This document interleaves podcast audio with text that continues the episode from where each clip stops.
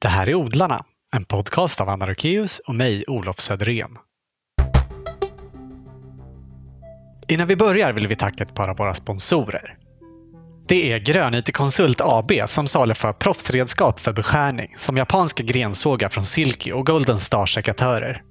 Riktiga kvalitetsverktyg som både ger bästa möjliga resultat och har potential att hålla länge. Hela sortimentet hittar du på gronytekonsult.se. Tack Grönyte Konsult! Vi sponsras också av Nelson Garden. Fastän sommaren lider mot sitt slut så behöver ju inte det betyda att odlingssäsongen är över. Om det blir en lucka ledig i grönsakslandet efter något som har skördats nu i augusti så kan man mycket väl hinna så och skörda en gång till på samma plats om man väljer en gröda som växer snabbt och tål låga temperaturer. Min personliga favorit för sensådd är vintersallad. Det är bara så gott. Och i Nelson Gardens sortiment finns ekologiska fröer till en sort som heter vit. Tack så mycket! Utan sponsorer hade vi inte kunnat göra den här podden. I det här avsnittet hälsar vi på hos Rebecka Malmsköld. Tillsammans med sin make Staffan Eklund har hon skapat sin drömträdgård som för många blivit känd genom boken En trädgård med utsikt och genom Instagramkontot Trädgård med utsikt. Det är verkligen en magisk värld de byggt upp i sluttningen nedanför sitt hus med flera olika trädgårdsrum. Bland annat ett för snittblomsodling, en medelhavsinspirerad kryddträdgård och en helt otroligt vacker köksträdgård. Alltihop influerat av Arts and Crafts-rörelsen som också står i centrum i deras senaste bok Arts and Crafts för din trädgård. Mer om det berättar Rebecka själv om en liten stund i intervjun som vi spelar in i hennes och Staffans växthus i trädgården utanför Rolfstorp öster om Varberg den 22 juli. Varsågoda!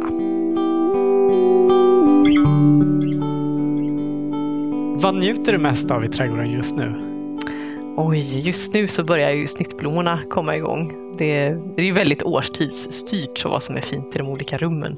Men just eh, högsommar och sensommare så är ju snittblomsträdgården helt underbar verkligen. Ja, jag tycker själv det skulle vara svårt att välja. Det är, det är verkligen fantastiskt. En fantastisk trädgård. Tack, tack. Vi har ju fått gå runt och titta på den och du ska strax få ta med lyssnarna på en liten rundtur också. Men först så tänkte vi att vi ska blicka bakåt lite grann. Har du alltid varit intresserad av trädgård och odling? Eh, det var nog i tonåren eh, som jag började bli intresserad. Jag vet precis när det hände faktiskt. Eh, det var på en tur till Norrvikens trädgårdar. Jag tror att jag var kanske 16-17 eller någonting.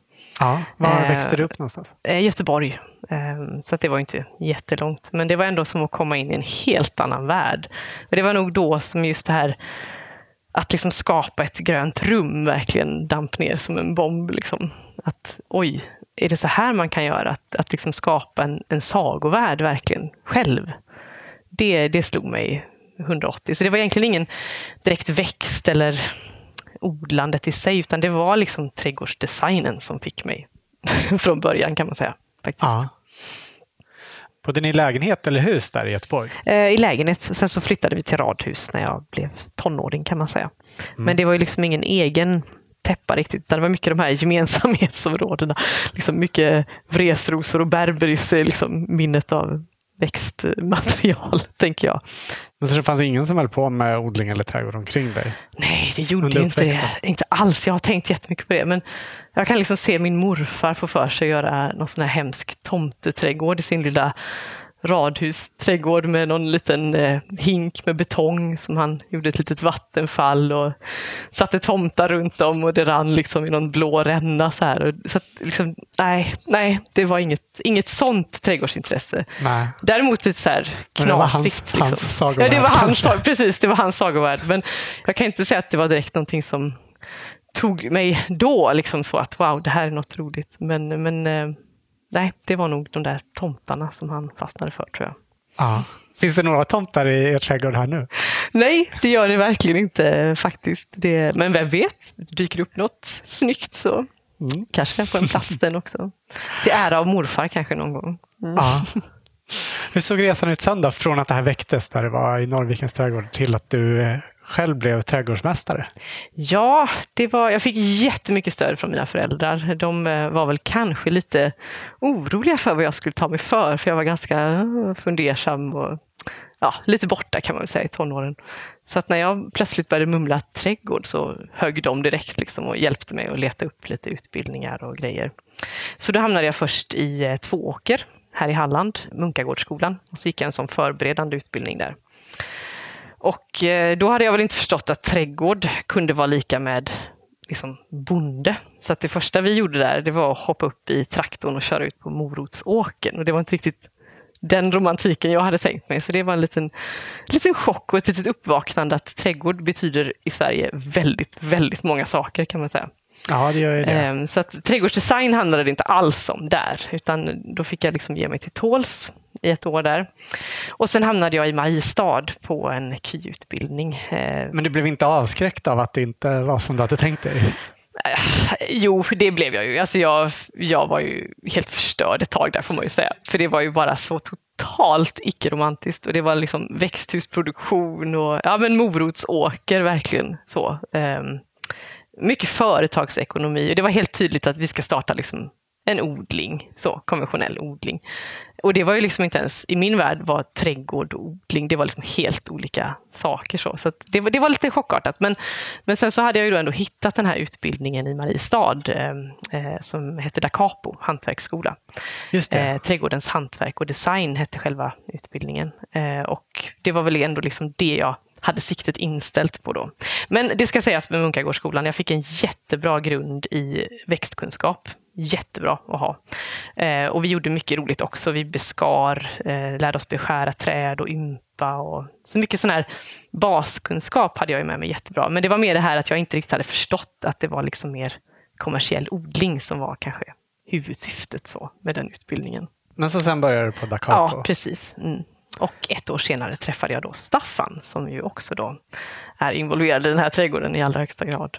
Precis, din sambo som också Mm. är trädgårdsmästare. Ja, min man till och med. Ah. Mm. Hur gammal var du då när du gick där? Eh, oj, jag hade nog, eh, ska vi se, 21. När jag var 21 år började jag där. Precis. Och så träffades ni där då, i- Ja, i Mariestad. Ni berättar i eh, er bok En trädgård med utsikt hur det kom sig att ni hamnade här. Men eh, vill du berätta för den som inte har läst? Jo, nej men vi, eh, vi åkte runt mycket här i trakten eh, i Halland och tyckte att det var så oerhört vackert landskap. Det är så böljande, det är mycket små höjder och det är ganska småskaligt jordbruk. Och, ja, det, det för tankarna liksom till England och Toscana. Och, ja.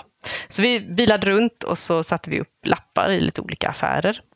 Där det stod att två trädgårdsmästare önskar hyra ett litet hus med trädgård. Kom ni liksom direkt från Mariestad då? Ja, det gjorde vi faktiskt. Jag slutade ett år innan eh, Staffan gjorde, som jag gick året innan då. Men, eh, så jag hade bott i en lägenhet i Varberg först. Men sen var det direkt. Vi, kände, vi var så himla sugna på att skapa något eget och få liksom, sätta fingrarna i jorden. Så vi, vi behövde få liksom, utlopp för det någonstans. Och då var det en dam som hörde av sig, en enda, och det var då hon som eh, ägde det här huset som vi nu då har köpt till slut.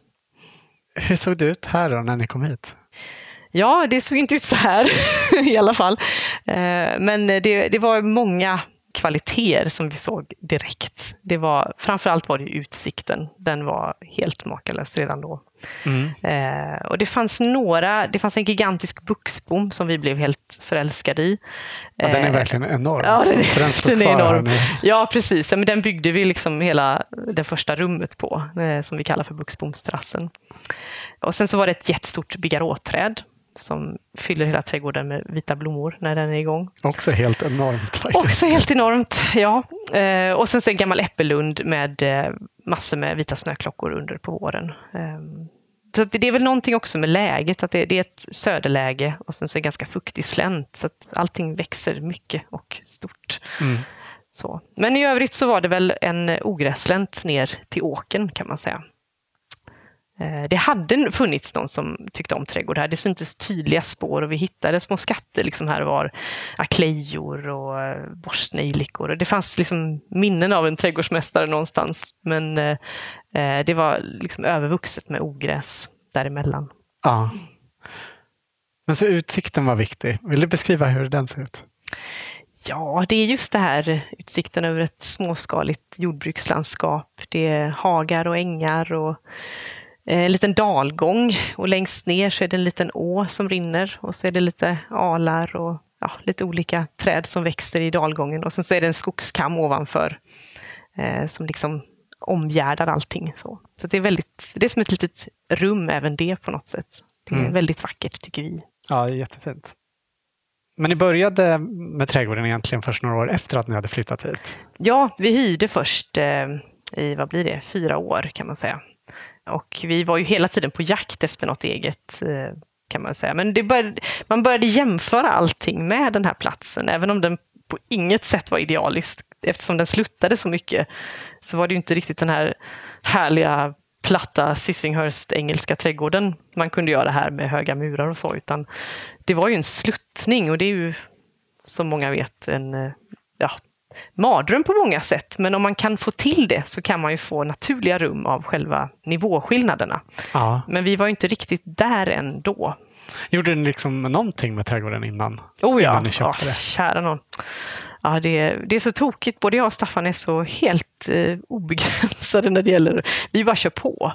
Vi, hade, vi gjorde en hel köksträdgård och vi släpade ja, jag vet inte, massa stockar från skogen och vi ordnade och grävde i den här tallbacken. Som, ja, vi gjorde ett jättejobb bara för att sen, okej, okay, nu nu hyr vi en grävmaskinist som kan ordna till det här och så revs alltihopa bara så. Och jag Aha. kan fortfarande inte känna någon ånger så, utan vi lärde oss jättemycket på den processen. Vi lade ner massa pengar på det också.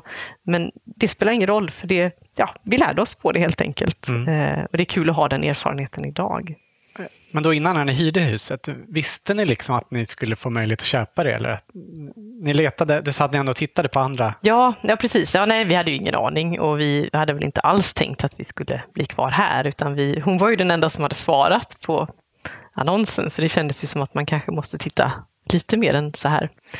Eh, och som sagt var, tomten var ju inte idealisk, utan vi hade väl tänkt oss en platt trädgård, för att det gör man ju liksom oftast. Ja, det känns, när man ser framför sig något som man ska utgå ifrån ja, men, så tänker man sig ja, ganska lätt ett vitt ark, liksom, en platt. Ja, men lite så. Man ser den här ritningen uppifrån och allting ja. är liksom platt. Så. Men, ehm, men sen så åkte vi runt och tittade på lite andra ställen och, och så märkte vi att vi båda två på något sätt jämförde allting med den här platsen ändå. Trots alla liksom, nackdelar så var det ändå, vi hade ändå liksom förälskat oss i platsen på något sätt, tror jag. Ja. Eh, så till slut så frågade vi helt enkelt om vi fick köpa eh, huset och tomten då. Och det fick vi. Så att, ja, happy ja. ending. och det här med grävmaskinisten, det var det första ni gjorde när ni ja, köpte tomten sen 2008? Mm, det var det. Men var det självklart då att ni skulle, att ni skulle liksom börja om med den här omgrävningen av tomten?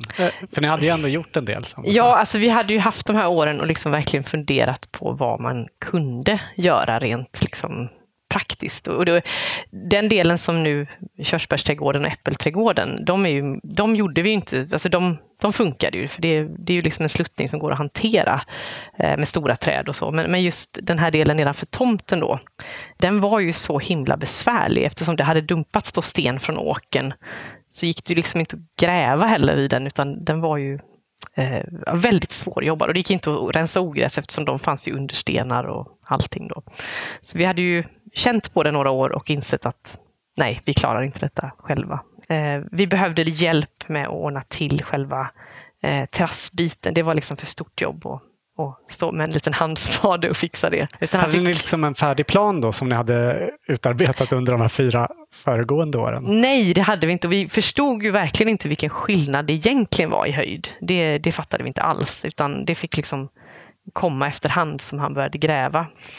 Eh, men det tog två dagar för honom och han klurade massor på... vi kunde inte köpa till massa massor av eh, vet sten och så, det hade vi inte råd med. Nej. Så vi sa det att så raka linjer som möjligt, de massorna som finns och så ska vi ner till åken.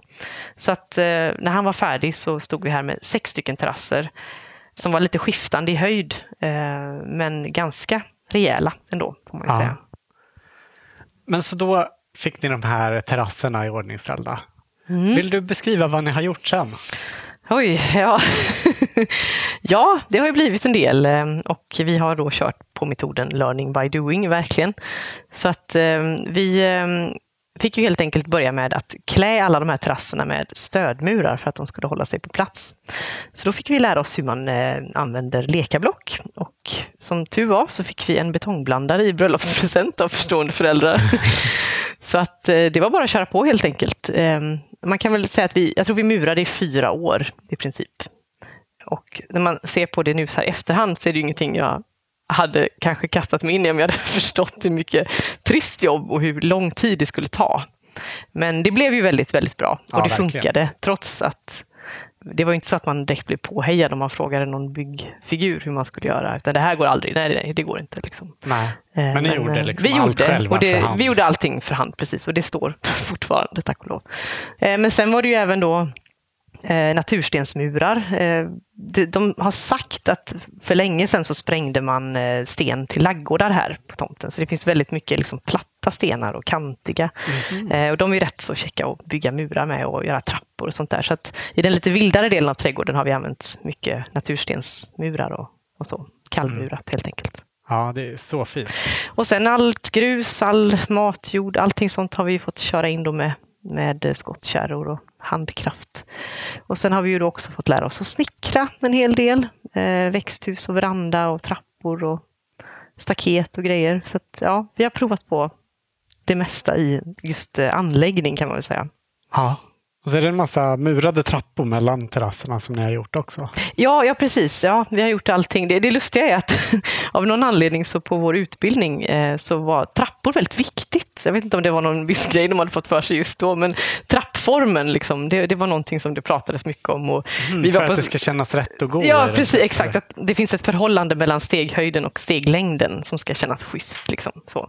Eh, och vi var i Italien på studieresa och alla eleverna sprang runt i, i liksom, de här renässanstrapporna upp och ner och, nja, och liksom kände på vad som var bra och inte så. Så det var någonting som vi verkligen hade liksom, ja, studerat kan man säga. Så det var väldigt kul att komma igång med det. Och vi har gjort i lekablock och natursten, eh, men nu även också då i trä, eh, trappor. Det blir ju mycket tra- trappor om man har en slänt. Liksom.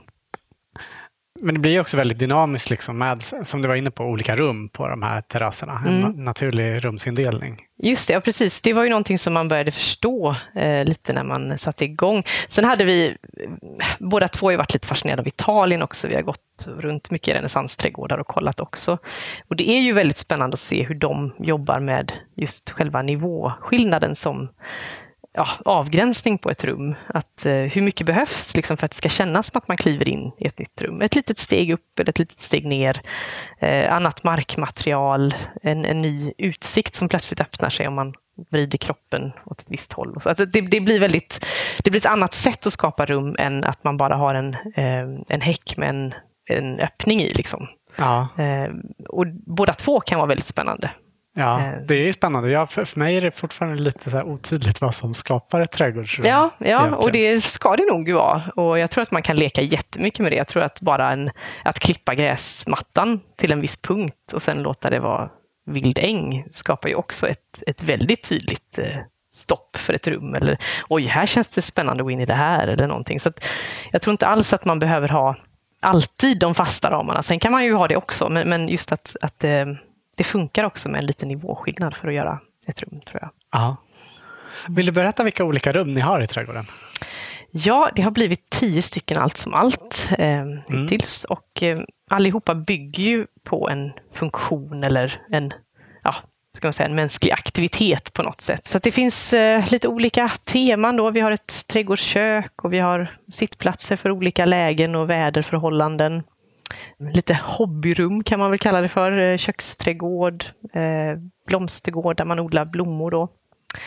Ja, och sen har den här kryddträdgården som jag tycker är helt Ja. fantastisk. Med riktig men- medelhavskänsla. Ja, just det. Det blev väl kanske den som blev minnet av, eller drömmen om Italien kanske man kan säga. Det som blev kvar av den här renässansutforskningen på något sätt. Så Ja. vi har väl fyllt på med, vi har en liten fontän och sen så lägger vi ut eh, när vi äter musslor, som vi gör rätt ofta, så hamnar de liksom i gruset för att ja, ge den här känslan av strand och resor och lite så. På något Ja. sätt. Och så är det då kryddväxter i hela rummet kan man säga.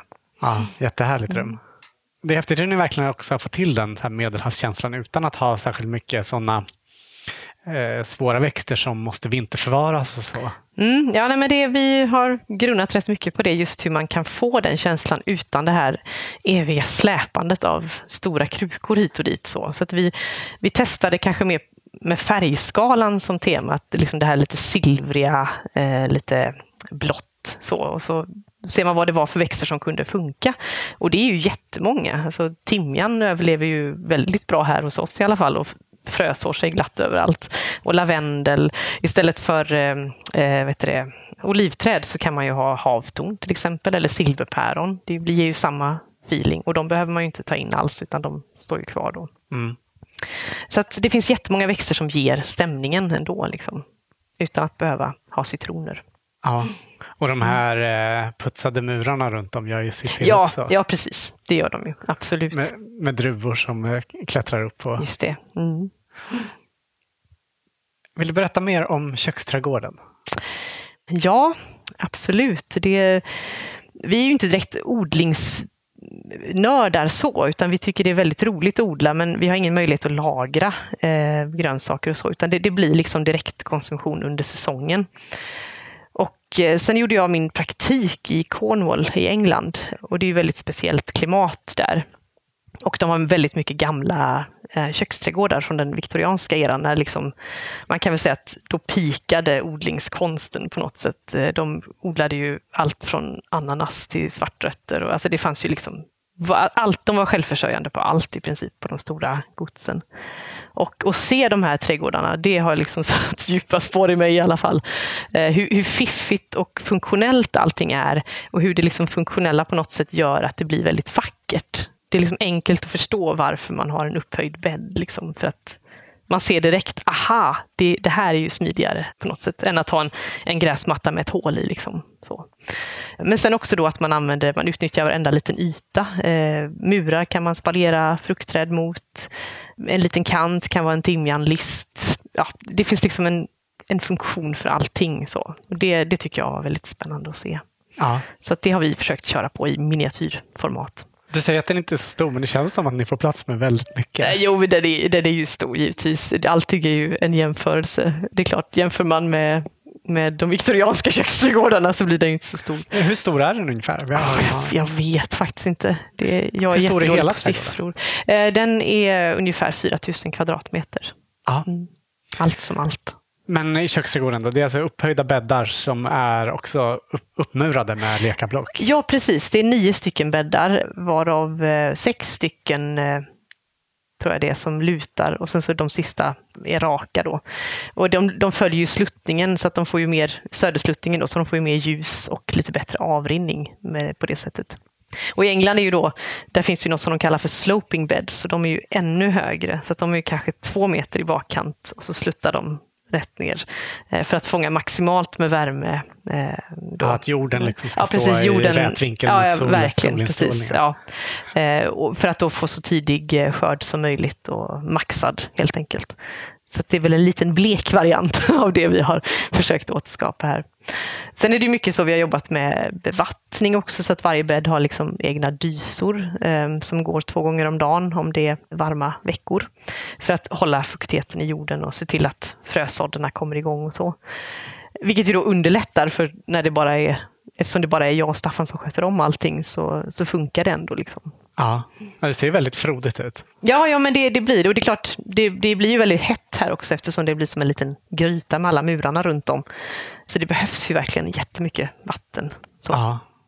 Sen har du faktiskt fått flytta in en hel del blommor i köksträdgården också. Ja, jo, det är svårt att låta bli om man är en sån här blomsternörd som jag är tyvärr då så, ja, det är säkert, ni som odlare tycker säkert det är så här hemskt att uh, ta upp en hel bädd med blommor. Nej, men, det är men det är svårt att låta bli. Sen är det faktiskt det är honungsfacelia och uh, blodamarant, så de är lite halv köksträdgårdsväxter ändå. Mm.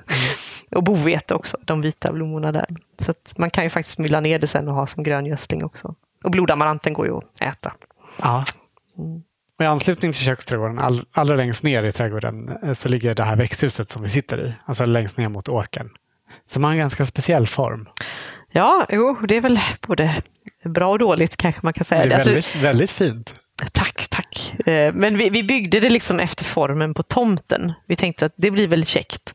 Men eftersom vi är ju inga snickare alls och har inte gjort något sånt här förut så vi bara körde på. Och, ah, alltså det finns en sida som är lik den andra. Så det var jättekomplicerat och jättejobbigt.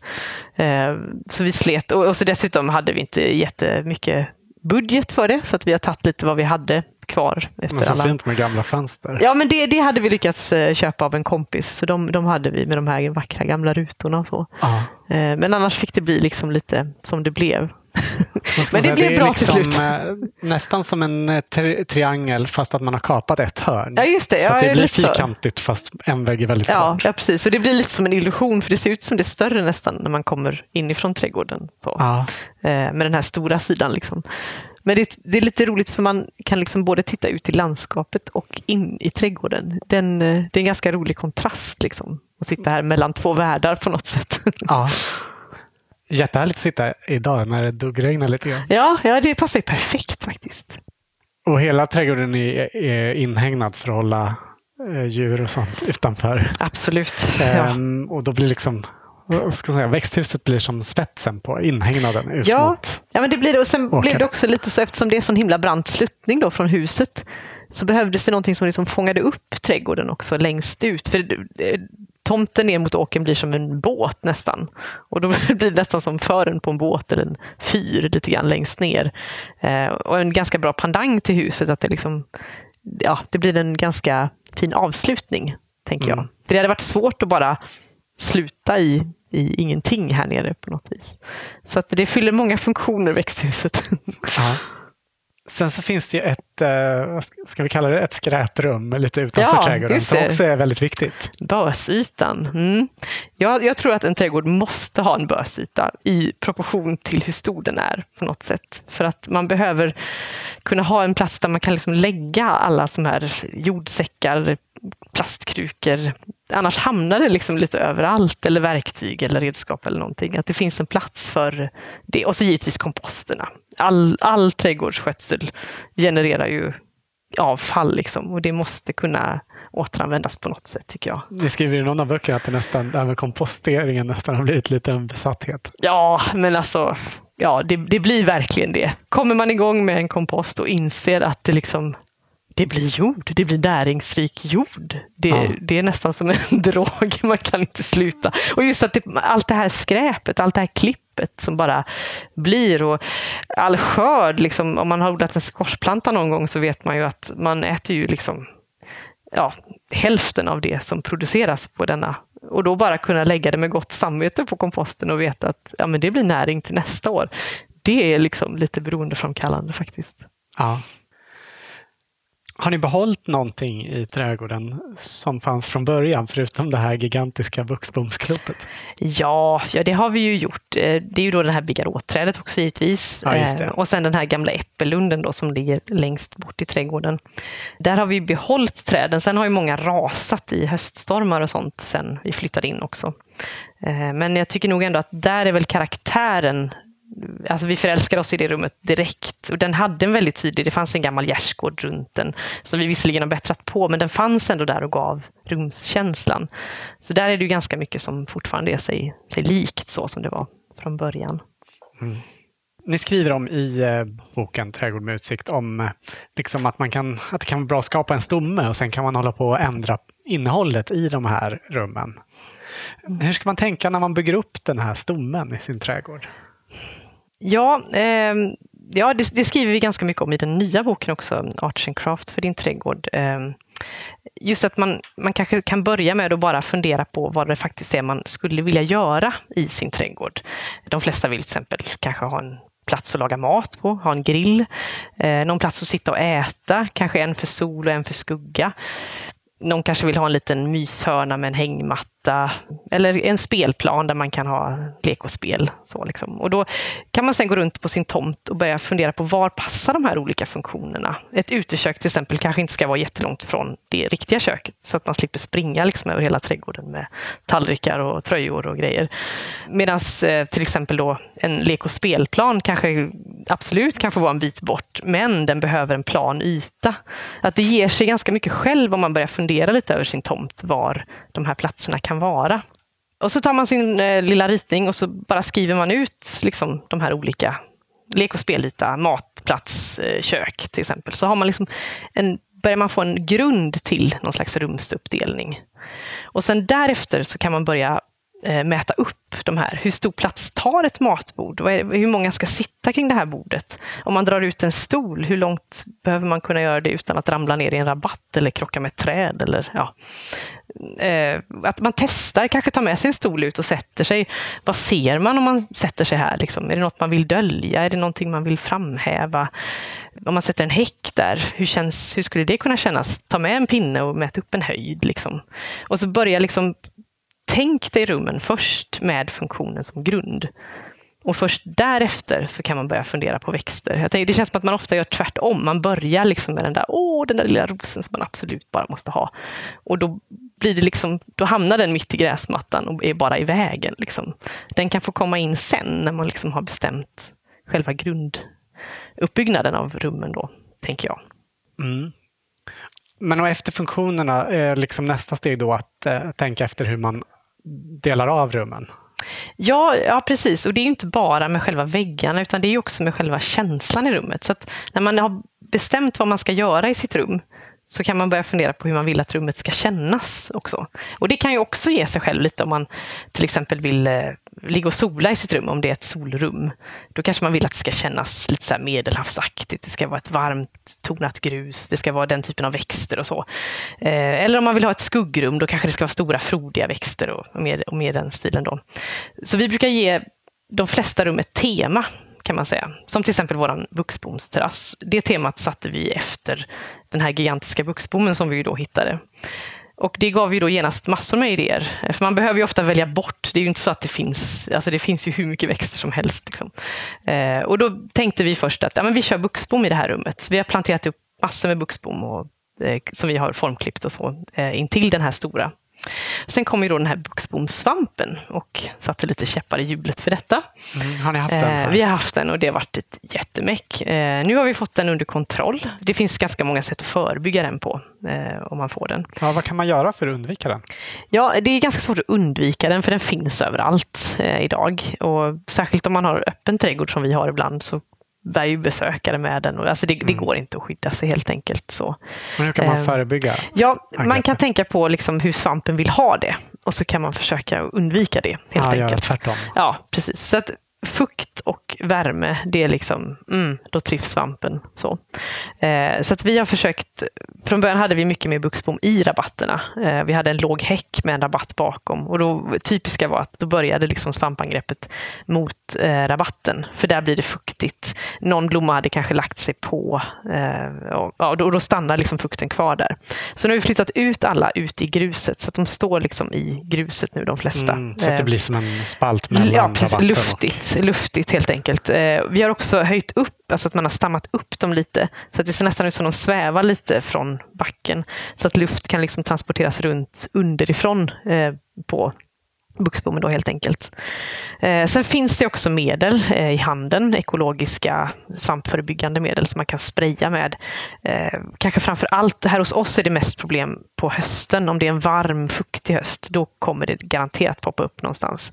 Och då kan man köra det, spraya det eh, några veckor så, så brukar det ge med sig också. Men just, just det här att man försöker att torka upp det hela.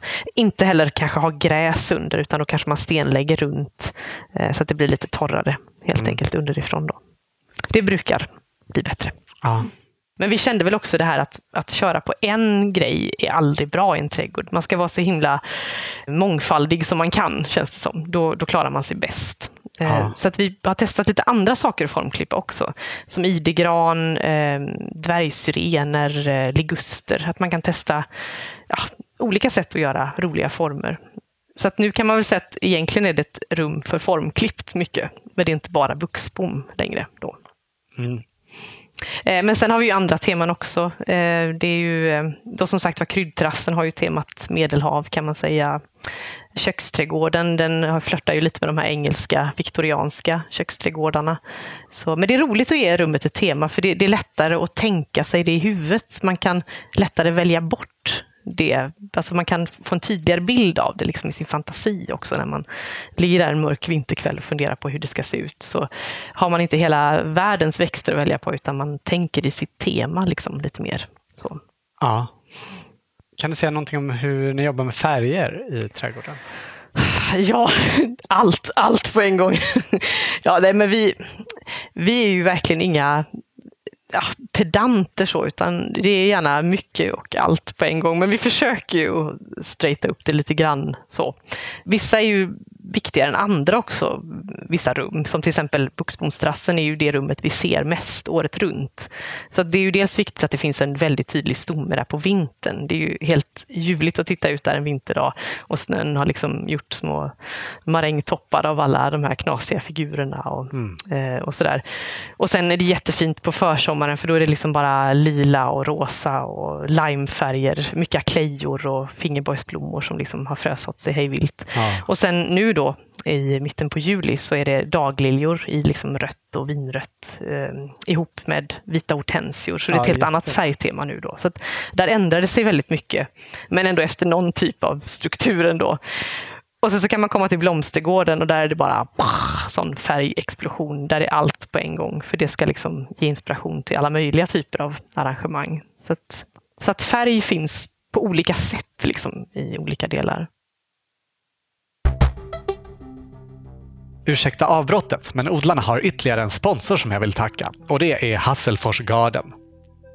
En produkt i deras sortiment som kan vara intressant så här på sensommaren är deras maskgödsel. Den kan man använda om man vill ge en extra kick till exempel till squashen så här i slutet av säsongen. Eller till det som ska fortsätta växa under hösten, typ kål och purjolök. Bara strö ut den ovanpå jorden och vattna. Inte minst kan maskgödsel vara användbart för dig som odlar i krukor och andra kärl och kanske inte har möjlighet att ha en egen kompost. Man kan nämligen göra ett kompostte av den som man kan använda som flytande näring till växter i kruka, både ute och inomhus. Den innehåller alltså inga levande maskar utan bara det som jordens små hjälpare lämnar efter sig. Förutom näring, en massa mikroorganismer som kan göra nytta i jorden och därmed också för dina växter. Stort tack Hasselfors för att ni är med och gör den här podcasten möjlig.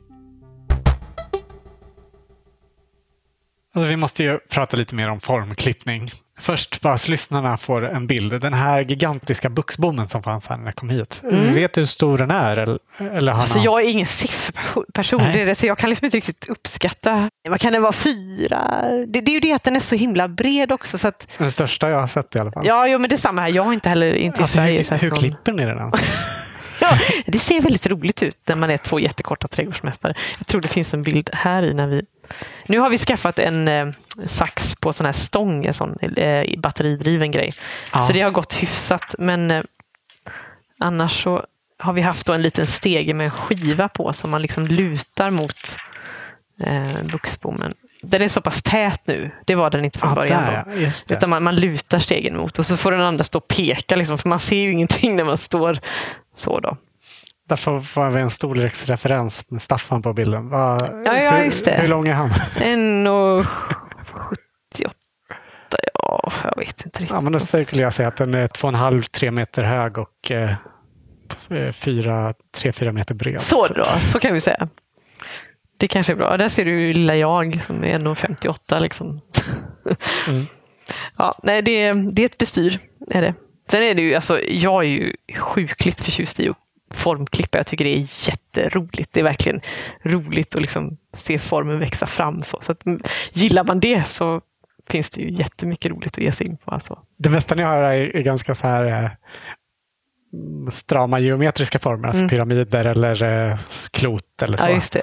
Och ni hade gjort några roliga fyrkanter med ett runt hål i mitten där det stod krukor. Just det, ja. Mm. Har du provat någon gång att göra så här fantasifigurer? Typ. ja. ja, nej, nej, nej, dit har jag inte kommit. Där jag, jag gillar nog faktiskt att hålla mig till de geometriska formerna än så länge. Jag tycker det är väldigt roligt. Och, och det ger liksom störst effekt. Det får inte bli för rörigt heller, för då konkurrerar man ju med rabatter och annat. Så, utan det ska ändå vara någonting som är så pass tydligt för ögat att uppfatta att det blir ett lugn, tänker jag, eh, i rabatten.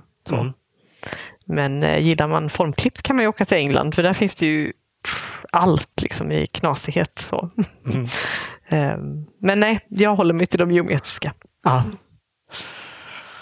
Ni är som sagt bara två som har skapat och sköter hela den här fantastiska trädgården. Hur mycket tid lägger ni på trädgården? Alltid. ja, nej, alltså vi, vi är ju två superträdgårdsnördar båda två. Eh, och vi tycker ju att det här är det roligaste som finns. Så att det, är ju liksom, det har ju aldrig varit något mål att göra den skötselfri, för det hade ju varit dötrist. Då hade vi kunnat syssla med inredning istället, för då är det ju färdigt. Liksom. Det stoppar ju där. Mm. Men med trädgård, det är ju liksom det du sjösätter, det ska ju bara åka vidare. Liksom. Det är ju bara någonting man har satt igång. Man har sått ett frö och sen ska det växa och då, det är då det roliga börjar egentligen. Så det här med, med lättskött känns som att man har fått det lite om bakfoten. Att varje, har man en bit tomt så kräver den alltid skötsel, hur man än gör. Och gillar man inte det, då kanske man ändå ska ha en lägenhet på något sätt. Eh, men däremot så kan man ju välja vilken skötsel man vill ha. Vill du inte klippa gräset, då kanske du inte ska ha någon gräsmatta till exempel. Eller ha en självgående robot eller någonting.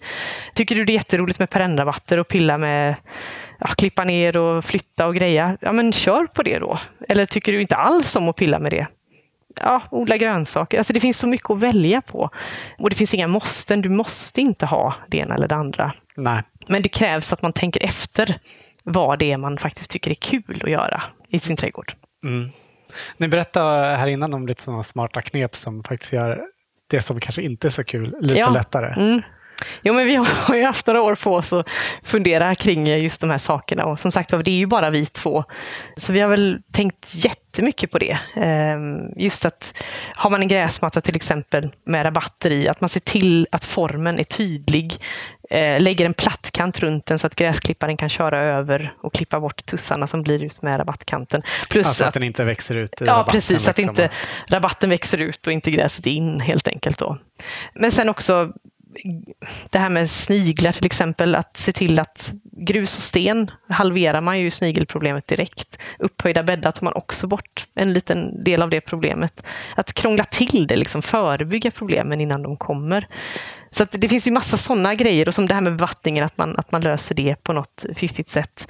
Eh, framförallt se till att det finns vatten utdraget i trädgården, för det känns man har stött på ganska många gånger, att man får släpa vattenkannor genom ett hus och springa hit och dit med långa slangar. Och, utan ta bort de tråkiga bitarna så mycket som möjligt. Eh, ja, se till att få lite smarta tips på hur man kan underlätta det eh, innan man sätter igång. Ja. Tänker jag. Ju som sagt två trädgårdsmästare. Är ni alltid överens om vad som ska göras? Absolut inte. nej, nej det, men jag skulle säga att vi har en väldigt eh, givande dialog hela tiden. Eftersom vi pratar om det hela tiden, trädgård, så blir det ju att man hela tiden bollar idéer. Och det känns som att man blir ju väldigt trångsynt själv i sin egen idé. Man går, ja men det här är det enda rätta och det här, så här ska det vara. Och så kommer någon och säger, men ja, det här verkar lite konstigt, ska man inte göra på det här sättet? Plötsligt så ser man det i ett nytt ljus, att det kommer från ett annat håll. Eh, och det tycker jag är väldigt utvecklande. Och det känns som att vi har lärt oss att lyssna på det, på varandra. Från början var det mer så här, nej, nej. Så, men nu, nu, har vi liksom, nu kan vi ta in varandras åsikter på ett helt annat sätt. Det, ofta slutar det med att, att vi har bytt åsikt i slutändan av en sån här diskussion. Okay. Så, ja, men det där, jag tyckte det, det var nog ändå ganska bra idé. Och så kanske Staffan tycker, men va? Nej, men nu har jag ju börjat tycka att din idé var mycket bättre. Att det, liksom, ja, att det är spännande att liksom våga ta in den andres idé utan att liksom, man håller inte hårdnackat fast vid sin utan man försöker ändå vara öppen för att men det här kanske ändå kan vara någonting så. Ja. Eh, så jag skulle säga att den här trädgården hade inte sett ut så här om inte vi hade diskuterat så mycket hela tiden faktiskt. Det där med att lyssna och ta in varandras åsikter, det är inte det är inte så lätt alltid. Hur nej, ni, nej det, ja, jag vet inte. Nej, det, det, det har liksom bara... Det har ju tatt, vi har, som sagt det var inte så från början. Eh, och vi var ganska... Vi hade väl ganska olika ingång. Staffan är ju biolog i grunden, så han hade en helt annan ingång än jag som bara kom från det här designflumhållet. Liksom. Så det, det var lite olika åsikter så från början. Men det känns ändå som att vi ganska tidigt förstod att det blev mycket snyggare om vi helt enkelt tog in vad vi sa. Mm. Så. Och det har väl alltid varit ja, det vi har strävat efter. Så det gavs väl ganska fort att det blev helt enkelt bättre om vi samarbetade så. Ja. Sen tycker vi fortfarande inte alls alltid lika, ska sägas, utan det kan alltid bli en annan storm där också. Men, eh, men det känns ändå som att det är väldigt givande att bolla. Ja. Ja, ni har ett nytt rum på gång där Staffan pratade om att göra en äng, men det kändes inte som att ni var helt ense med vad, nej, där är vad det skulle väl, bli. Nej, där är vi lite i början av just den här lilla processen tror jag. Så nu tennismatchen sätter igång kanske. Mm, vad står emellan? Ja, jag vet inte riktigt. Det brukar vara så att Staffan har helt så gränslösa projekt. Liksom. Vi köper hela åken, vi startar, eh, eh, vi gör en, ett våtmarksområde eller någonting. och jag är mycket mer så här, ja, vi börjar väl i liten skala. Så att, ehm, den här ängen kommer nog att skalas ner lite i min version av det här, medan Staffans äng är mycket, mycket större just nu. så vi får se vart det hamnar, någonstans mittemellan tror jag. Ja, Men, eh, men ja, det lutar nog ändå åt en äng, faktiskt. fint. Jobbar ni med andra trädgårdar också? Eller är det liksom er egen trädgård och eh, då böckerna och det som handlar om den som, som ni gör? Ja, just nu är det faktiskt bokförlaget som är fokus nummer ett. Och eftersom trädgården är liksom basen i det, eh, så är det väl vår egen det handlar om mest. Men det är också som den nya boken då, eh, att man tar in eh, vad, vad vi, vad vi började gräva liksom i våra egna tankegömmor. Vad har vi tagit inspiration ifrån? Eh, de här engelska Arts and Crafts-trädgårdarna då. Så det är mycket bilder och mycket från England i den nya boken, men även lite från svenska Arts and Crafts-trädgårdar. också. Då. Eh, Men vi jobbar inte med privatträdgårdar annars just nu, men eh, det vet man aldrig vad som händer. Vi har ju gjort en hel del innan. Mm. Eh, Vi ska ju prata om Arts and Crafts, men först lite mer om snittblommor. Så Mm. ni har ju också gjort en bok om eh, att odla snittblommor i trädgården. Precis. Hur kom det sig att du började odla blommor just för att använda som snittblommor? Ja, alltså det, det har alltid hängt ihop för mig, blommorna och trädgården på något sätt. Det är just att man kan skapa någonting av så vackra byggstenar som blommor. Att det är ju helt otroligt om man tittar in i en ros eller en dahlia, att, att det kan vara så vackert. Och sen göra ett helt rum av att man bygger det av detta. Så för mig har liksom blommorna alltid varit ingången till trädgård. Det kanske låter banalt, men, men så, så är det faktiskt. Men sen också att man att, man, eh, eller att jag lärde mig tidigt att man kan göra en bukett med perenner till exempel, eller en buske eller någonting och se hur de passar ihop. Det är oerhört svårt att säga jag ska göra en gul rabatt och så tittar man på en färgkarta och så ja, den och den och den. Det ser aldrig, aldrig någonsin ut så i en trädgård. För det är alltid mycket grönt, det är känslan i, är det liksom en platt blomma, är det, en, är det ett blad som har färgen? Alltså det, det går liksom inte att få den här rena färgskalan som går inomhus. Utan det finns så mycket andra faktorer som spelar roll. Och då är en provbukett alltid eh, jätteviktig att göra. Och den bygger ju på kontraster. Har du liksom någon uppstickande växt så kanske du vill ha en bollform för att få den där liksom lilla designeffekten. Och det är samma sak med buketter. Det funkar precis på samma sätt. Alltså det som är snyggt i en vas kan mycket väl vara lika snyggt i en rabatt. Liksom. Så att de, de hänger ihop för mig väldigt mycket, de två grejerna. Ja. Sen så skriver de att det bland annat är den smutsiga industrin bakom vanliga snittblommor som gör att du väljer att odla egna. Ja, jag tycker nog det. Jag tycker det har varit lite så tyst om det också. Ehm, för att det har varit så mycket prat om vad vi äter och grönsaker. Naturligtvis, för vi äter dem ju. Men, men det är ändå så där att, att blommor kan vara hur som helst och att man inte riktigt förstår att det är inte bara så att de kanske produceras i Holland med gifter och allting, utan sen kanske de åker runt halva jorden i en lastbil innan de kommer till Sverige. Och då är det växter som vi själva kan odla ut- liksom, i vår egen trädgård. Och, och blommor är ju en barnlek jämfört med att odla grönsaker. Så att det, det känns bara väldigt fånigt egentligen. Och gillar man att göra buketter så finns det väl inget mer tråkigt än att liksom köpa en jättedyr bukett med någonting och så ska man få inspiration till att göra ett arrangemang av, av de här blommorna man har köpt jättedyrt eh, i någon butik. Så. Utan man vill ju ha liksom det här mångfaldet, man vill ju kunna välja. Sen kan man väl komplettera med liksom ekologiska blommor från en schysst odlare i närheten.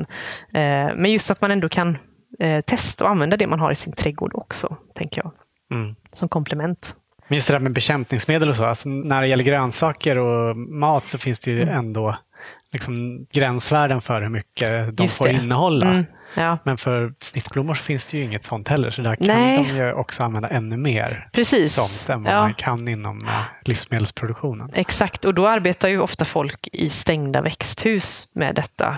Inbillar jag mig. Jag ska inte säga att jag, har jättestor kunskap om det här, men, men, men det känns inte alls trevligt. Eh, kanske framför allt när det är en, en lyxprodukt som det ändå är på något sätt. Eh, och just för att det är relativt enkelt att göra det själv också, Ja. helt enkelt. Jag tycker det känns så himla tråkigt också. Man ska ge bort blommor till exempel. Att ja, man, precis. man liksom vill ge något som ska vara fint till någon som man tycker om. Just och så det. kanske det skadar människor på någon, på någon annan plats. Ja, exakt. Det känns inte så Ja. roligt. Nej, precis.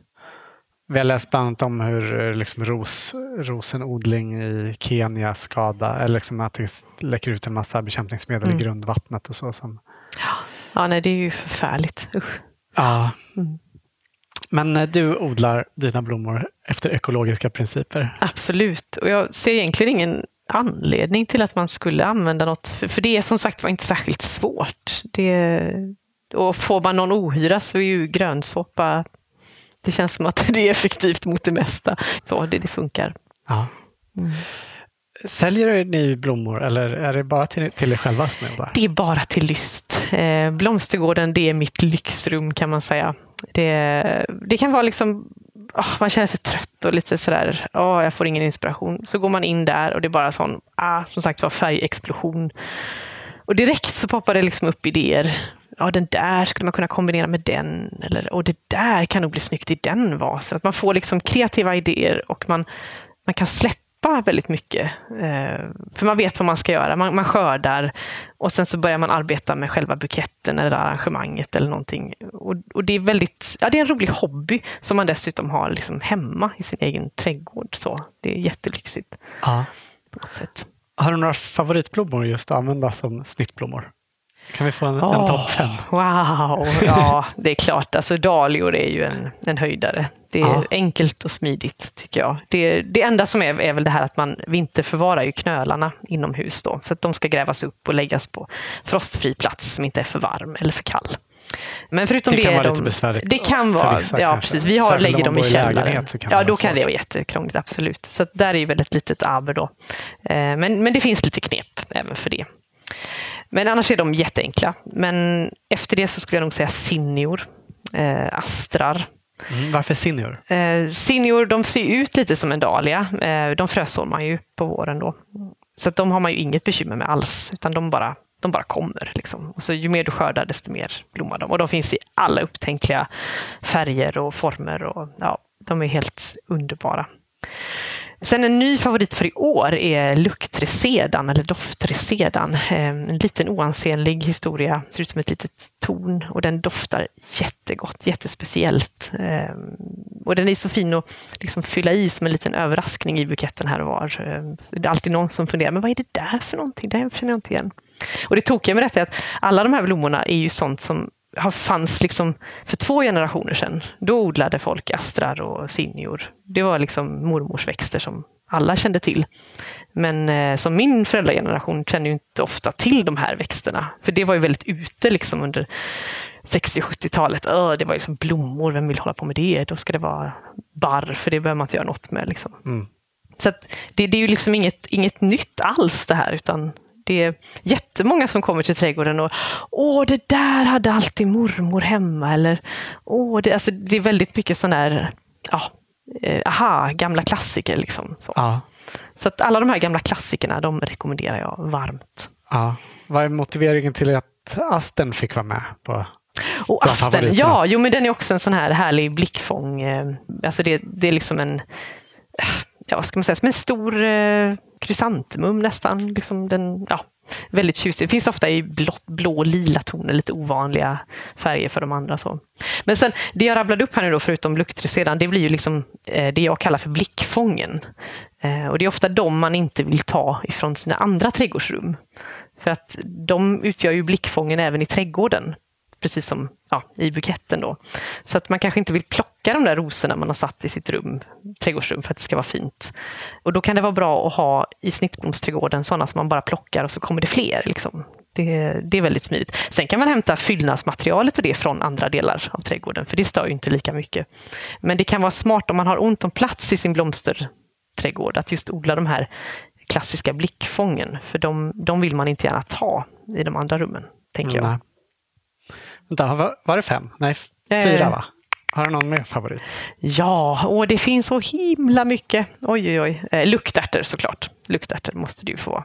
För det, ja, det är så enkelt. Alltså bara göra en blandad bukett med luktärtor, det kan liksom inte bli bättre än så. Och vem blir inte glad för en bukett med så intensivt doftande blommor? Liksom? Det känns som att det funkar alltid om man ska gå på kalas. Mm. Just nu har ni på altanen en, ett litet arrangemang av bara luktärtor. Ja, absolut. Åh, ja, det, jag gör så ofta jag kan. Liksom. För, och det är också så, de är så typiska sådana att om man inte plockar dem så går de i frö och då vill de inte blomma mer. Så det bästa är om man kan plocka dem nästan varannan dag så bara blir det hur många som helst. Härligt. Mm.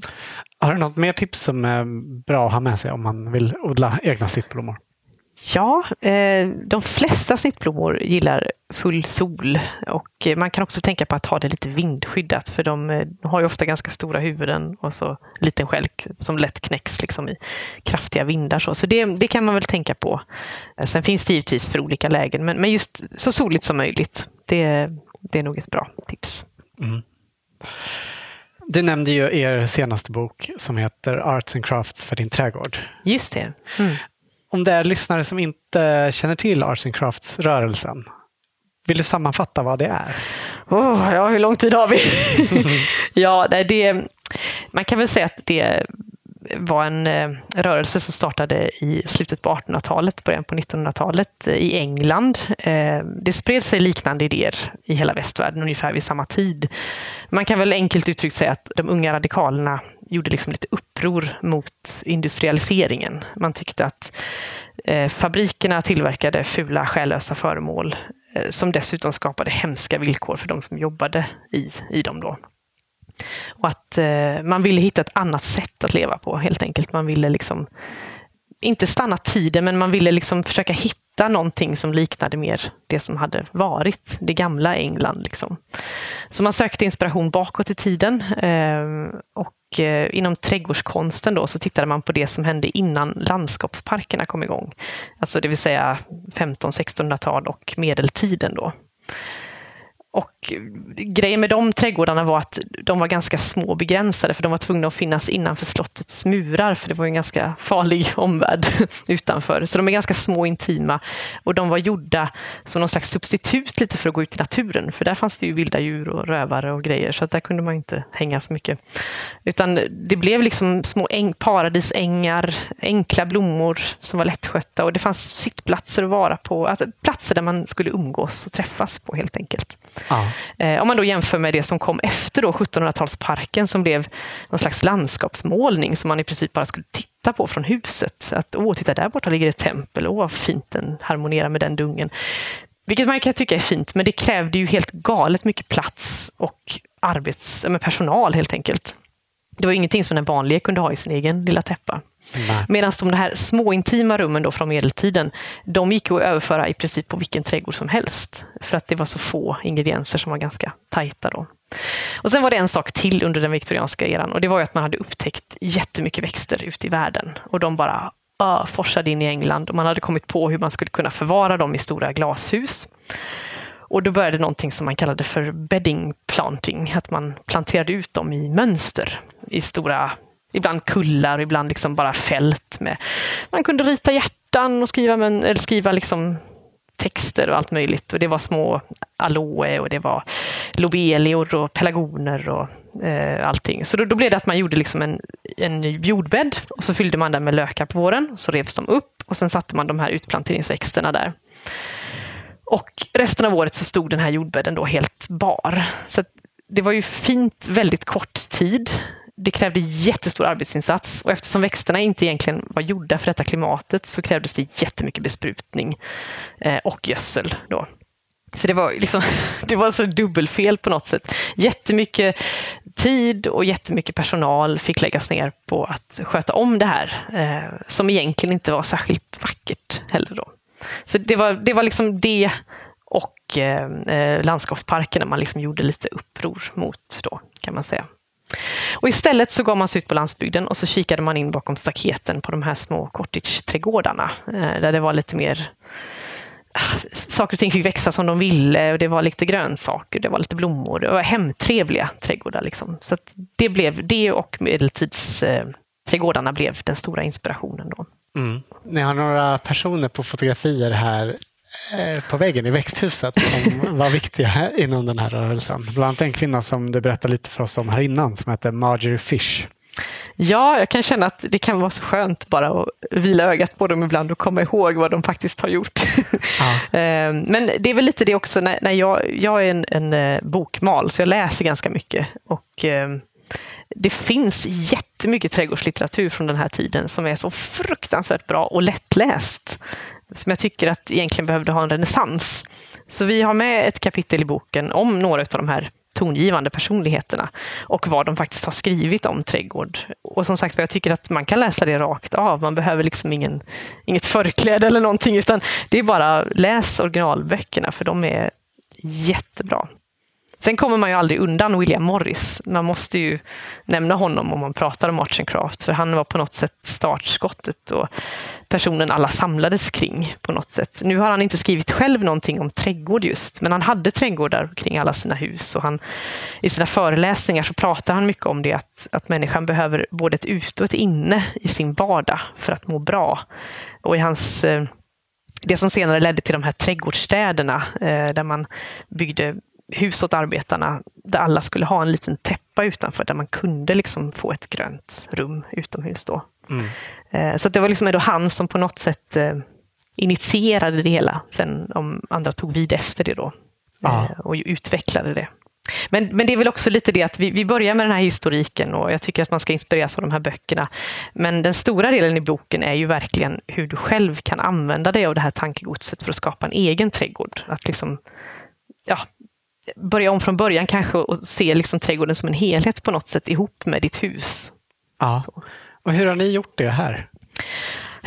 Ja, det, man kan väl säga att det genomsyrar ju hela trädgården. Sen är det ju liksom ingen historiskt korrekt kopia på något sätt av en Arts and Craft-trädgård, men alla idéerna är ju hämtade ifrån den här stilen, kan man säga. Så det, men det är väl mycket man kan säga att det är huset ihopbundet väldigt mycket med trädgårdsrummen. Det finns mycket utblickar från trädgården mot huset och från huset ut i trädgården. Och det är uppbyggt på samma sätt med fasta rum eh, med en funktion. Precis som ett hus har ett kök så har vår trädgård ett kök. Det man kan göra inne, det kan vi också göra ute. Då. Så man kan säga att vi flyttar ut vårt vardagsliv i trädgården under säsongen i princip. Då. Eh, och det är någonting med att vara ute, alltså det är väldigt rogivande. Jag vet inte om alla känner så, men jag tror att många av oss känner att ett, ett utevardagsliv är väldigt lugnande på något sätt. Mm. Tänker jag. Mm. Kan man säga att det finns eh, särskilda växter som, eh, som liksom hör ihop eller som är tätt förknippade med en Arts and Crafts träd? Ja, det kan man ju absolut göra. Um, ur en aspekt så är det ju att, att det är väldigt då formstarka rum som jag sa med eh, formklippta vintergröna växter som buxbom och idegran och sådär. Eh, och, och, i dessa formstarka rum så är det väldigt vilt och busigt. Liksom. Rabatterna kan vara lite ja, hej och hå. Det kan vara växter som frösår sig och hoppar runt och eh, ja, växer lite här och där. Och sen också då den här inspirationen från cottageträdgårdarna. Att det är gammaldags perenner som doftar och drar till sig mycket insekter. Eh, ja, att det är den här lite äldre typen av växter eh, som eh, ja, mycket färgglatt, mycket gammaldags. Mm. Men också att man kanske hittar rätt växt för rätt plats. Att man försöker liksom inte skohorna en växt, in en växt där den inte trivs. Utan har man en viss typ av miljö så försöker man välja växter därefter också. Att det är inte så att man kanske inte har ett citronträd, liksom, för det behöver, det behöver en annan typ av miljö. Utan man, man, istället väljer man då kanske ett havtorn eller någonting som bättre passar in på platsen helt enkelt. Då. Ja det sig om, om, att det är mycket växter som lockar. Insekter märks ju verkligen här i er trädgård. Det surrar precis överallt där ute. Ja, ja, det gör det. Det är väldigt härligt. Och det fladdrar också av fjärilar om det är en lite finare dag än vad det är idag. Ja. Så det, det, är väldigt, det blir liksom levande på ett sätt till. Mm. Eh, ni hade en vit lavendel uppe i grusträdgården Ja, som var ja. helt Mm. full med eh, bin. Ja, den är osannolikt populär, särskilt hos eh, humlorna så är den jättepoppis. Den doftar väldigt, väldigt så parfymigt, så jag vet inte om det är något speciellt de gillar med den. Men Nej, den är, vad är det för sort? Vet du det? Edelweiss heter den sorten. Varför föll du eller ni för det här med arts and crafts? Det har liksom alltid representerat det mysiga med trädgård, tycker jag. Det är alltid sådär lite hemtrevligt stökigt, tycker jag, i en arts and craft-trädgård. Det blir aldrig eh, modernismen eller det funkisstilen som har varit så himla dominerande i Sverige kan bli lite stel och lite tråkig kan jag tycka. Medan arts and craft, det får vara blommigt, det får vara lite tantigt, glatt liksom. Det är inte så himla pedantiskt. Så. Eh, men det där är ju givetvis en smakfråga, men, men, men det var nog det jag föll för, att, att det fick gärna vara lite, lite busigt. Så. Ja. Samtidigt så ger ju helheten ett ganska ordnat intryck tack vare det som, som du var inne på, att det finns en fast stomme och ganska strikta former på vissa växter. Ja, men det är väl lite det som är vitsen också, då, att man har de här fasta rummen. Att, att det är liksom ramen. Man har en väldigt tydlig ryggrad i trädgården som finns kvar även på vintern. Att det, är mycket, det är mycket vintergrönt och formklippt och murar och, och även arkitektur. Det finns fontäner och växthus och ja, allt sånt som ändå bildar någon slags stabil bakgrund. Och då blir det också den här spännande kontrasten mellan helt galet vilt och jättestrikt. Och då märker man liksom inte hur eh, rörigt någonting är om det finns något som liksom strukturerar upp det eh, bakom på något vis. Så. Vi tittade ju när vi gick runt här på den här gräsmattan på en av våra terrasser. Just hur otroligt mycket mer mjuk och härlig den känns bara för att den är helt omgärdad av eh, betongplattor. Just det. Att det är liksom den kontrasten som hela tiden eh, ja, går fram och tillbaka i arts and craft-rummen på något sätt. Eh, Det är liksom vilda mot det strikta på något sätt. Så. Mm. Och du berättade ju tidigare just om att ni har ste, stenplattor runt alla gräsmattor. Ja, just det, precis. Och det gör ju också, alltså linjerna blir väldigt raka eftersom Exakt, gräsklippan ja. går över de här Precis. stenarna. Ja. Och då får man också den där känslan av att gräset blir på något sätt det lugna i det rummet. Det som ändå stabiliserar upp de här väldigt yviga marktäckarplanteringarna. Så. Mm. De, de får liksom en struktur av gräsytan. Mm. Finns det några kända trädgårdar man ska titta på om man vill ha inspiration till en arts and crafts-trädgård? Oh, det finns hur mycket som helst. Det är liksom, åk till England och bara gå av i någon by så hittar du garanterat en jättehärlig arts and craft eller cottage-trädgård där. Eh, Men det är klart, en trädgård man inte kommer förbi är ju Sissinghurst eh, i Kent. Men, och det är ju ett livsverk eh, eh, som skapades av Vita Sackville West och hennes man Harold Nicholson. Och det som är så häftigt med den trädgården är att innan Vita gick bort så lyckades hon föra över sin kunskap och sin tanke med trädgården till trädgårdsmästarna som var kvar då. Eh, Och de har i sin tur överfört den till nästa generation. Så att trädgården är liksom inte bevarad, men den är levande sedan den tiden. Och Vitas tankar har liksom gått vidare. Att man har liksom förstått själva idén med trädgården. Vilket ju ofta kan bli lite svårt om man bara ska antikvariskt be- bevara någonting så, som är så levande som en trädgård.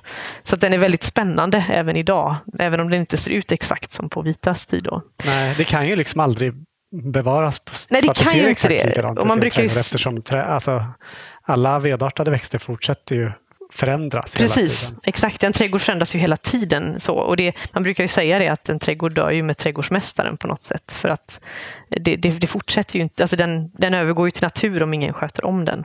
Och sköter någon om den på ett annat sätt så blir det ju en annan trädgård. Så. Men, men sen är det en sak med Vita också, att hon skrev ju ohyggligt mycket trädgårdslitteratur. Hon skrev eh, i eh, en tidning som heter The Observer, skrev hon en spalt, tror jag, veckovis eller månadsvis eller någonting. Och de skrifterna har man samlat i ett gäng böcker. Och de är jättebra. Man kan ju tänka att hon är en sån snobb överklassfigur, men hon är så otroligt jordnära i sina trädgårdsskrifter. Och det är verkligen, ja, jag låg där eh, på knä och grävde i min rabatt och ja, alltså, precis allt hon tänkte, allt hon gjorde och det där blev helt fel. Det där blev helt galet och jag tog bort det ur nytt. Men alltså, det är väldigt, väldigt så konkret och hon delar med sig av alla sina erfarenheter i just trädgårdssvängen. Så där är också en sån skatt om man vill läsa bra trädgårdslitteratur. Mm. Men det där med att det eh, liksom eh, kom till lite som en motrörelse mot att eh, mot industrialismen och, och hur arbetarna hade det i fabrikerna och, och så vidare. Det känns ju som att det tänket finns idag också. Det, är väldigt, alltså det tokiga är att det är väldigt likt idag. Liksom. Det, är, det är lite samma tankar det här med att liksom flytta ut på landet och att man inte står ut med den här snurren liksom som är nu. Det var ju exakt så som de kände redan då. Att det här går liksom inte. Vi kan inte fortsätta. Sen vet jag inte vad som hände däremellan, men, men, men det var ändå liksom, ibland när man läser det William Morris skriver så blir man helt sådär, ja, det, han hade ju varit lika stor idag, liksom, för det, det är precis mm. samma sak. Så. Men det känns som att han har fått eh, lite av en renässans också på senare tid. Jo, det har han. Det som är lite fånigt är att man fattar liksom inte riktigt. Det är liksom hans tapeter. Det, det känns som att det stannar alltid där. Men jag menar, han, han var ju med och grundade socialiströrelsen i England och han var ju jätteengagerad i liksom hur arbetarna hade det. Och just att han planerade de här trädgårdsstäderna. Han försökte liksom han jobbade för arbetarnas villkor verkligen och för att alla skulle ha ett vackert hem. Liksom. Det var, alltså inte bara liksom ut, upp till kamp, utan det var verkligen hur, hur löser vi det rent i vardagen för folk. Liksom. Ja. Nu kommer Ska Staffan vi... med ja. kaffe. Oj, tog han av sig skorna för att inte låta. Ah. Tusen tack. Eh, det som var lite fint med Arts and Craft var att, att vardagen på något sätt var i centrum. Det var liksom inte när vi blir pensionärer eller när vi åker på semester, utan det var liksom det livet som du lever liksom en torsdagkväll hemma med familjen. Att det skulle göras, varför inte göra det på ett vackert sätt som är rogivande? Liksom, att du kan komma hem och bara ha en vacker vardag. Jag tänker att man också kan på något sätt kan översätta det till liksom tid också. Att man inte ska behöva komma hem från jobbet och stressa hela kvällen. Nej, nej. Att, liksom, få in det ur andra aspekter. Både att ha, fin, att ha det fint omkring sig men också att här, ha tid att må bra. Liksom. Ja, exakt. Precis. Ja. Och det är väl också det här lite att man, det känns som att vi skjuter upp väldigt mycket. Allting ska liksom hända sen på något vis. Jag är så himla trött på att höra det. Att, ja, men hur går det nu med pensionen om ni jobbar så här? Och, ja, ni vet sådana här eh, olika tankar. Att man liksom kan också bara få ha det bra just som man har det just nu. Annars kanske det inte är så bra, tänker jag. Att, att, man, att man måste kunna eh, leva hela tiden ändå, på något sätt. Mm. Man vet ju inte ens om man finns kvar sen. Nej, nej det, det, är lite så, det blir lite så hypotetiskt allting. Eh, mm. att, att det liksom, plus att det är ändå nu man är, man är stark och frisk och ja, kan ja, orka precis. göra. Alltså jag tror inte man ska skjuta upp för mycket i alla fall eh, till att göra sen, utan försöka ha det trevligt som man har det. Mm. Vi pratade lite här innan intervjun om det här med drömmar om trädgård och att väldigt många drömmer om en trädgård. Kanske, all, kanske tänker att det, att det inte går eller att det är för svårt ja, eller för stort. Ja. Eller, ja, du, du sa att man gör bara. Ja, ja nej, men jag kan tycka att det blir lite det är så mycket så här, ah, ja, det kan man ju inte göra själv. Och det, men det är ju så, ja, Sissing hör så, det är så vackert, men det är ingenting man kan göra själv. Men jag tycker att man kan det faktiskt. Jag tycker att ett, en dröm kan liksom träda in i verkligheten, särskilt en trädgård, för den bygger på det du gör själv. Liksom. De flesta av oss kan ju inte längre påverka hur vårt hus ser ut, för det måste man köpa det som finns. Man kan liksom inte anlita en arkitekt kanske som kan rita allting exakt. Och, och man kan inte heller kanske påverka exakt var man hamnar i, i vilken stad eller land eller så. Men trädgården kan man faktiskt utforma exakt som man själv vill. Helt och hållet. Det går att göra precis. Och är den då mindre så är det ju nästan bara en fördel för då kan du definitivt också orka med det. Eh, så jag tycker nog att man ska köra på det. Och man behöver inte göra, liksom göra allting, men man kan inspireras och det man tänker, åh det där, det där var det himla fina, det vill jag ha. Att det är det man kanske ska fokusera på, fast man kokar ner det liksom till sin egen storlek och till sin egen nivå. Och jag menar, vi har ju gjort det här på två personer och det funkar ju. Jag kan säga att det är min dröm och mycket mer på en gång. Mm. Så jag, jag, jag, tycker att, att det går, just i trädgårdsvärlden i alla fall, så, så funkar det. Gör din dröm. Ja, det här är ändå det är 4 000 kvadrat, det är inte pyttelitet. Nej, liksom. nej, och ni har nej, gjort det, det på tio år. Ja, ja. Det är ju imponerande. ja, men det är lite roligt när man tittar på den här bilden vi kikade på, just att man känner att Oj, hur gick det här till?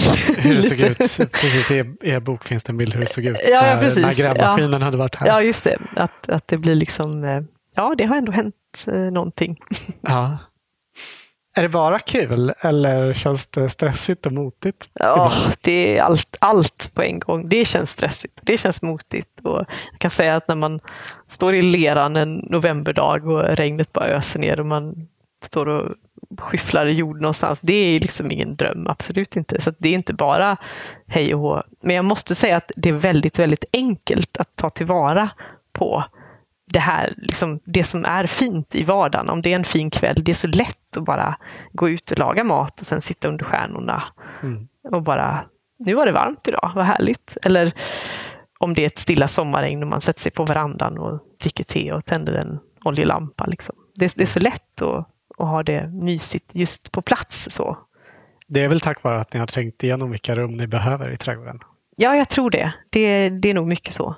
Och sen också att man inte hela tiden behöver Ja, just det, då måste vi ha någonting att sitta på. Så måste man släppa med sig den lilla stolen hit och dit. Utan det finns platser gjorda för de olika tillfällena.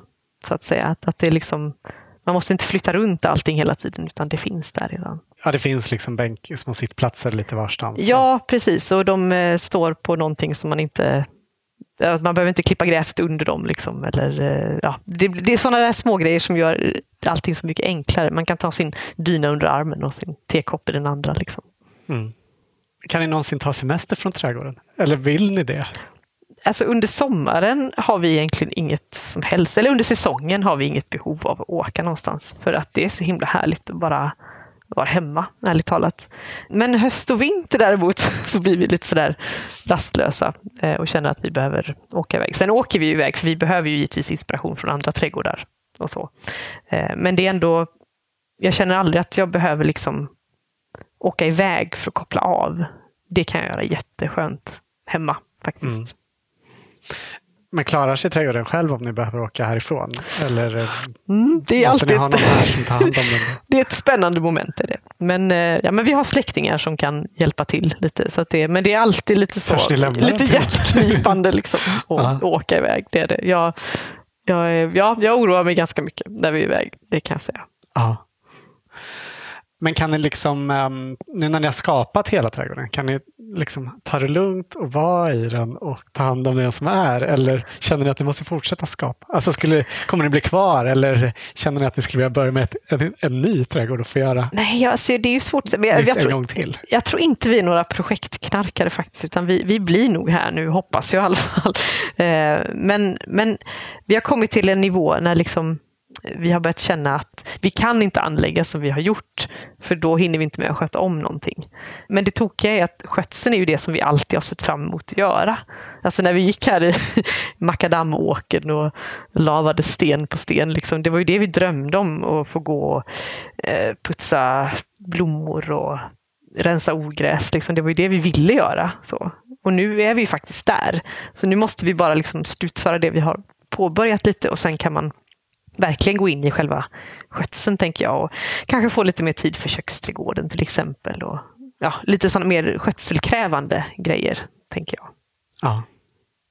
Eh, vi har en liten tradition att vår medverkande alltid får sluta med att ge sitt bästa odlingstips. Mm. Har du något som du vill dela med dig av? Ja, ja, det är ju då kanske inte riktigt odling, eh, men, men eh, just att det vi pratade om förut, att försöka tänka på att använda sin trädgård. Det, det känns som att där är grunden till både många misstag och eh, det som gör att det funkar. Att om man ser att en trädgård används så är den ofta mycket, mycket trivsammare än någon som man bara liksom ska titta på. Så. Så att använda, att komma på en funktion och använda trädgården, det tror jag är grunden till en lyckad trädgård. Mm. Bra tips. Du, tack så jättemycket för att vi fick komma hit och hälsa på, för att du tog dig tid. Så kul att ni kom. Jätteroligt att få vara med. Tack.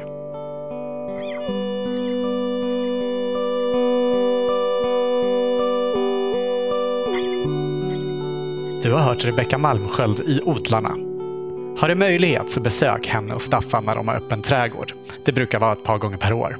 Deras skapelse är verkligen värd en utflykt. Och har du inte möjlighet så se åtminstone till att följa den på Insta. Trädgård med utsikt heter kontot. Och det finns även lite bilder från Rebeckas och Staffans trädgård på odlarnas Facebook-sida. Vi vill också rekommendera de fina böcker de gjort. En trädgård med utsikt, Snittblommor från trädgården och Arts and Crafts för din trädgård. Stort tack för att du lyssnat och tack än en gång till våra sponsorer som möjliggör den här podden. Hasselfors Garden, Nelson Garden och Grön Konsult. Producent för odlarna är Anna Rökeus. Jag heter Olof Söderén. Vill du följa oss kan du göra det på Instagram under namnet Spenatistan. Och Spenatistan heter också den odlingsbok vi skrivit. Och just det, nya avsnitt av Odlarna kommer att komma var fjärde vecka hela hösten. Ha det bra! Hej då!